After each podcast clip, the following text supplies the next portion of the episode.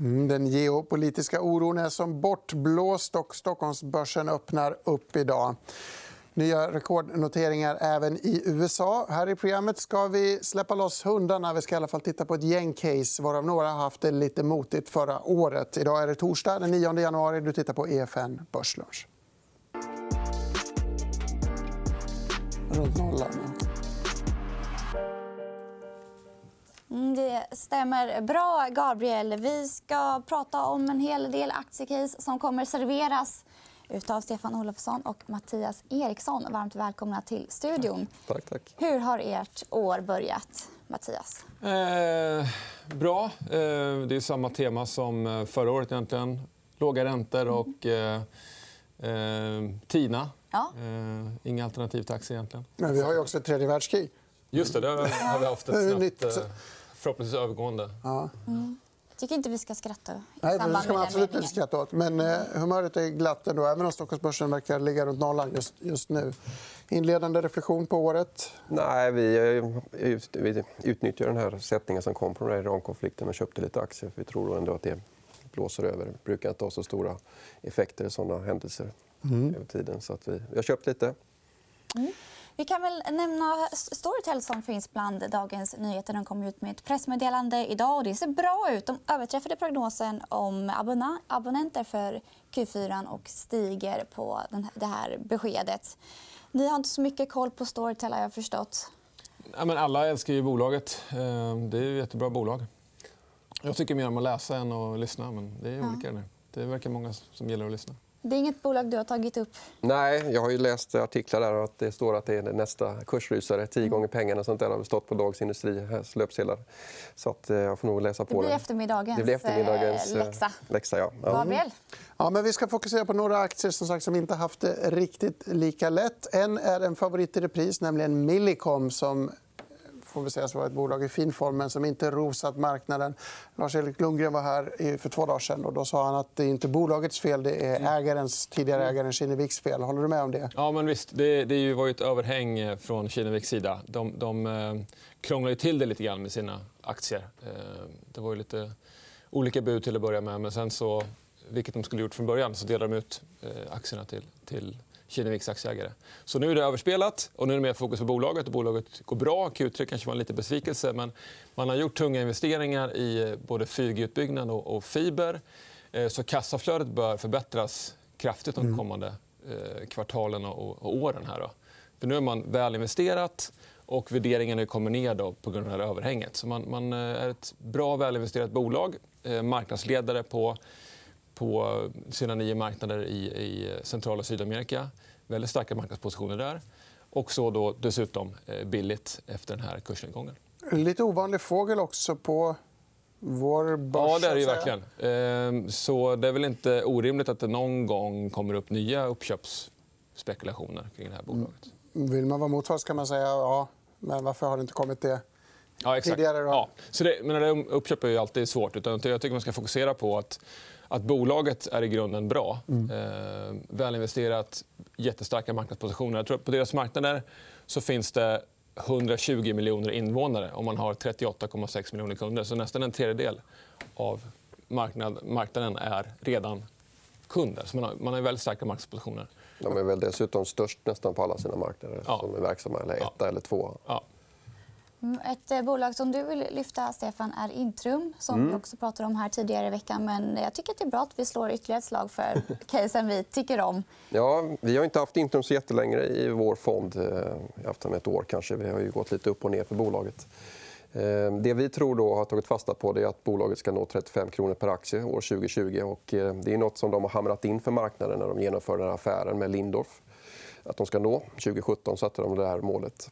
Jag eh, såg att han var i en intervju här då i slutet av eh, december där han då var väldigt komfortabel med att nå vinstprognoserna. Speciellt 32-33 kronor som en del SME då, eh, tror på. Som analytikerna tror på. Mm, som analytikerna tror på. Men han då även ser det som sannolikt att de når 35 kronor per aktie. Och då ser ju aktien väldigt billig ut som vi ser det med ett P-tal runt 8.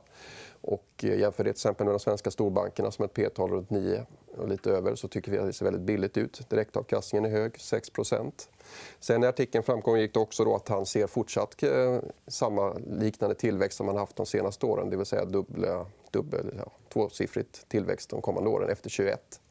Och eh, där har SME bara förväntat sig 4% i vinsttillväxt. Men, men hur ska de nå den här vinsttillväxten? De hade ju när de satte målet 13 i EPS.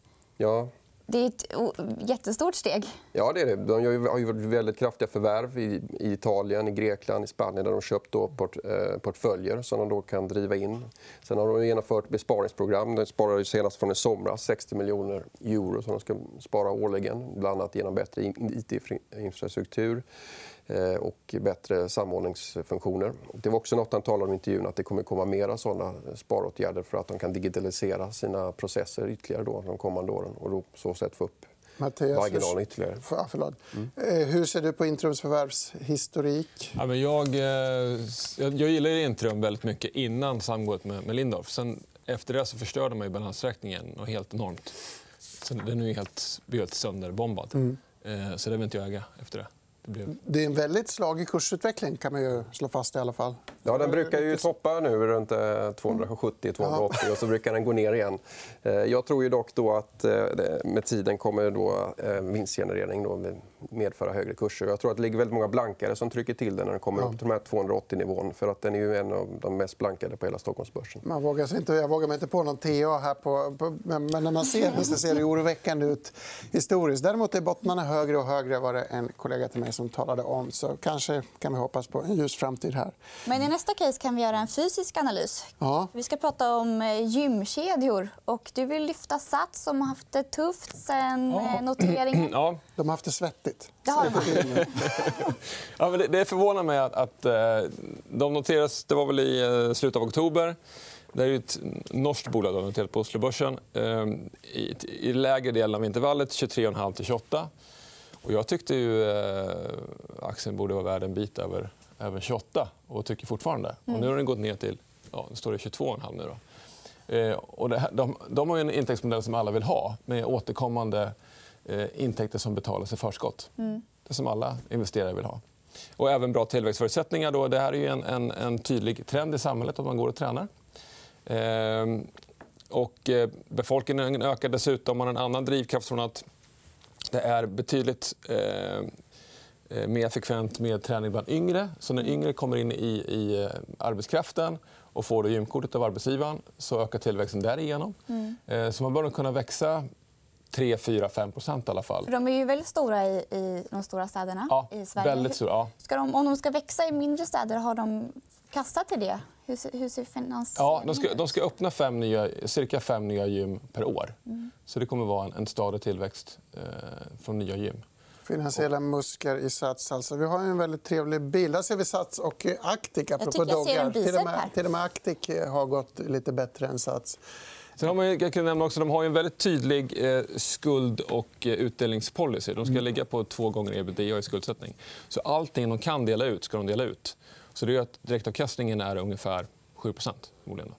Vad är det som skiljer Actic och Sats? Jag som inte... Nej, alltså jag har inte tittat särskilt mycket på Actic. För Actic är för mig... Eh, jag, jag tränar på Sats. Och man, Sats är ju eh, väldigt dominerande i storstäderna. Eh, I Stockholm, där jag håller till. Och Actic är, är ett, eh, ett, en gymkedja för de mindre orterna. Men trots att Sats, förlåt, eh, trots att Sats är fin spelaren i sammanhanget så är det inte så dyrt som man kanske kan tro. Du har med dig en väldigt eh, klargörande graf här. Hämtar du prospektet, mm. tror jag? Ja, stämmer. Vad den var lite rolig. Eh, mätt i köpkraft då, så, så är eh, nordiska gymkort relativt sett billiga. Europasnittet. Eh, där får man betala mer. Egentligen så betalar man lika mycket, men i och med att BNP per capita är högre i Norden så blir det relativt sett billigare. Just det, just det. Gymkorten är inte särskilt dyra. Sen på Sats så kan man ju eh, plocka ihop ett gymkort eh, lite hur man vill och betala... Eh, ja, spridningen blir ganska stor. Ja. Och sen är det ju en, en väldig fördel med att arbetsgivaren, många arbetsgivare mm. står för en väldigt stor del av kostnaden. Ibland hela kostnaden. till och med. Vi ska gå vidare. Vi ska snacka lite kort om eh, vinnare och förlorare. Som sagt. Innan vi kommer in på förlorarna så kan vi väl nämna... Du nämner att många bolag som har haft ett fint 2019 kommer fortsätta ha det. Du intresserar dig mm. för eh, konglomeratbyggarna på börsen. Ja, det, var, det, det, här har att göra med eh, den låga räntenivån och att man mm. verkligen uppskattar tillväxt. Så de här bolagen som har en relativt säker tillväxt jag tar med listan här. på ja, Nibe gick upp 79% Evolution Gaming gick upp 177 AK 45 Beijer 88 och så vidare. Så de här bolagen som, där man bedömer att tillväxtförutsättningarna är fortsatt starka och stabila de kan ju värderas i det här lågränteklimatet nästan hur högt som helst. Jag, jag kan inte säga riktigt var taket är någonstans. Men de här bolagen värderades ju ganska högt när vi gick in i 2019 och ändå så, så steg de enormt kraftigt. Och de här, alltså, de här eh, de värderas väl inte speciellt jättehögt egentligen om man tänker på vad räntenivåerna har tagit vägen eftersom räntorna kollapsade ännu mer förra året. Ja, om ränta, räntan är noll så... så blir det oändligt. Ja. ja, exakt. Mm. Så utifrån det så kan de värderas högre. Men sen är ju P-talen i ett historiskt perspektiv är ju, är ju jättehöga. Men du, det låter som att du inte är så rädd för värderingarna. Du, du, det finns utrymme kvar att springa för den här Nå, Jag tycker i alla fall om det finns en väldigt kraftig vinsttillväxt i bolaget mm. underliggande så tycker jag att marknaden ofta underskattar det, det momentumet i de här aktierna som ligger i, som i vinnarhålet. Det är ju faktiskt ofta så att man ska köpa aktier som har en väldigt fin vinsttrend och en väldigt positiv aktieutveckling. För den, den trenden håller ofta i sig mycket längre än vad man tror. Mm. mm. Och man kanske inte ska koncentrera sig så mycket på underdogs. Och sen med, med de här eh, förvärvsglada bolagen som Indutrade, och Adtech och Lagercrantz gick ju mellan 60 och dryga 90 procent förra året. Från en hög, redan hög värdering. Men det är också som du säger, de, det är relativt eh, säker tillväxt ändå.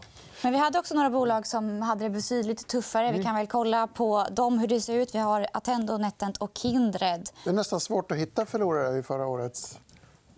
Varför gick det så dåligt för de här? Och varför kan det gå bättre nu? då? Ja, var ska vi börja? Nej, men det, om man börjar med spelbolagen så har ju regleringen av den svenska marknaden och generellt eh, inte alls blivit som operatörerna hoppades på. För de här spelgalningarna eh, spelar inte lika galet som de gjorde innan. Egentligen. Eh, och de har tydligen stått för en väldigt stor andel av intäkterna. Och nu gör de inte det längre. Eh, men nu har ju samtidigt då, eh, värderingen och förväntningarna kommit ner. Eh, och det, det, är det som talar för att eh, vi kanske får se en, en vändning. Att saker och ting, att förväntansbilden har stabiliserats och att de kanske kan eh, komma tillbaka resultatmässigt också. Du gillar inte att leta dogs. Är det nåt av NetEnt eller Kindred som du tycker är värt att kolla ja, på? Jag, gillar intresserad av både Kindred och Net Entertainment. Eh, Net Entertainment eh, gjorde ett stort förvärv här av ett bolag som heter Tiger. Här. Mm.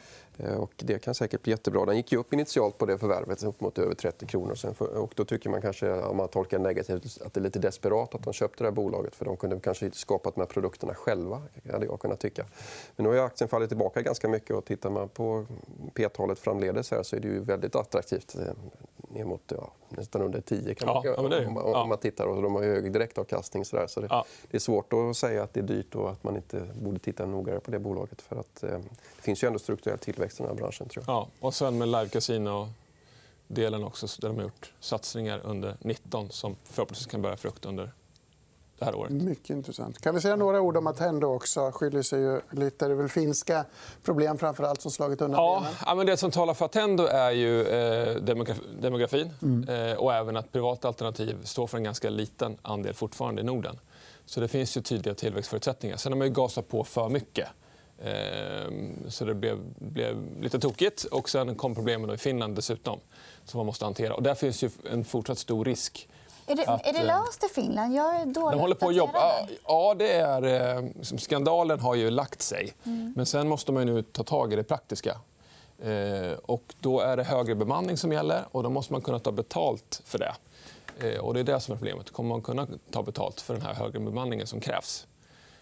Och det får vi se hur de lyckas med det. Då. Så är du intresserad av välfärdsbolag? Ja, alltså generellt så är det väl så att den politiska risken har minskat ganska mm. mycket i den här sektorn. Eftersom eh, det, ett tag var det ju ständiga debatter om mm. att vi skulle ha vinsttak och etc. Och den debatten har ju försvunnit. Så, medan däremot värderingarna har inte kommit upp på grund av det. Utan de ligger ju kvar där nere. Sen plackade media också lite relaterat mm. till det. Det har ju väldigt låg värdering. P tar runt 10 sådär. Så att, ja, det är intressant. Det är ju konjunkturokänsligt. Billigt. Vi ska lyfta ett eh, spelbolag till innan vi avrundar programmet. Evolution Gaming har ju gått som en raket. Inte så billigt längre, kanske. Eller vad kan man säga om värderingen där? Nej, det är inte så billigt längre. Och eh, ibland har aktien varit dyr och ibland har det varit billig. Vi har haft den sedan 2014 i vår fond Det har varit ett av de största innehaven hela tiden. Här. Vi tog lite vinst här eh, för några veckor sedan. Eh, men vi tycker fortfarande att den ser intressant ut. Jag tycker fortfarande och tror fortfarande att man underskattar vinsttillväxten i bolaget och framförallt kanske nu inte på marginalsidan utan på omsättningen. De har ju ökat kvartal för kvartal runt 10% omsättningen under 2019 och nu inför fjärde kvartalet så tror man bara på en omsättningstillväxt på 5% Jag tror att marknaden underskattar den. Jag tror att den blir upp mot 10 igen. Då. Och man kanske når, istället för 100 miljoner som SME tror att man kanske når 104-105 miljoner för fjärde kvartalet. Sen tror jag att eh, det fortsätter att gå starkare än vad SME tror nästa år. De har en aggressiv tillväxtstrategi. De släpper nya spel hela tiden. Idag bland annat mm. fick vi Speed Blackjack, om jag inte missminner mig. Ja. Hur viktigt är såna nyheter i den här bilden? Ja, det är väldigt viktigt. Förra året har ju drivits av nya spel. här. Monopoly har ju varit väldigt framgångsrikt. Där man har fått in nya kundsegment som förut inte har spelat live utan kanske spelat på slott istället. har börjat spela live istället. Och, eh, de har även då fått högre marginaler, de här spelen, för de binder inte lika mycket personal.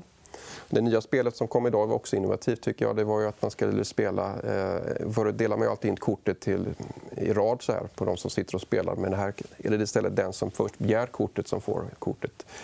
Eh, och då snabbar man upp, snabbar man upp processen med typ 40 och Då kan man ju spela mycket mer. Och jag tror att personerna som är involverade i spelet tycker att det är mycket roligare. Så de är väldigt innovativa jämfört med alla andra som är inom like Vill man vara lite lakonisk kan man säga att de här problemspelarna som Mattias mm. nämnde nu kan speeda upp tempot rejält och mm. fortsätta mm. konsumera. Man vet ju inte om de där som har eh, sagt att de inte spelar, 45 000 eh, personer, kanske spelar utomlands. Det är väl rätt många, när vi har varit på seminarium och lyssnat med mm. spelbolag, att de tror att de inte har slutat spela, men de spelar på annat sätt. Ja, det där måste man nog ta tag i snart. Ja. Mm. För att den här spelregleringen har väl inte varit helt optimal i Sverige. Nej. Den är väl, kanaliseringen är väl inte så hög som politikerna, barn. Ja. ja. som politikerna framhåller. Utan jag tror att den är under 90 procent. Mm. Kort avslutande reflektion. Evo? Ja, det är ett fantastiskt bolag. Eh, jag såg nu när jag tittade att de är, det, är, det är högre börsvärde än Holmen, och Elekta, Husqvarna och Trelleborg. Eh, så det är riktigt stort. Sen är det P 30 på årets vinst ungefär. Mm. Och NetEnt då, som eventuellt kan komma lite närmare vad gäller live casino-delen. Man ska in P10. Så där är ju förväntansbilden. Då. Mm. Eh, men sannolikt så, med sin innovationskraft så kommer ju Evo vara fortsatt framgångsrika. Så får vi se om, om värderingen kan, kan motsvaras. Då. Man får, man får ju se om eh, Nettan kan komma igång med sitt live För de har ju försökt ja. rätt många gånger. Ja. Ja. Det har inte hänt så där jättemycket. Men jag håller med dig. P-tal 9 känns ju mm. billigt. Mm. Mm. Vi håller tummarna för Nettan. Mm. Hur ska vi säkerställa kvalitet och eh, fortsatt expansion, Matilda? Jo, det ska jag berätta för dig, Gabriel. Vi ska resa till Japan. Och det gör vi imorgon tillsammans med Elinor Hult och Thomas Karlsson. För då är Börslunch tillbaka 11.45. Spännande. tänkte säga något japanskt, men jag kan inget. Sushi.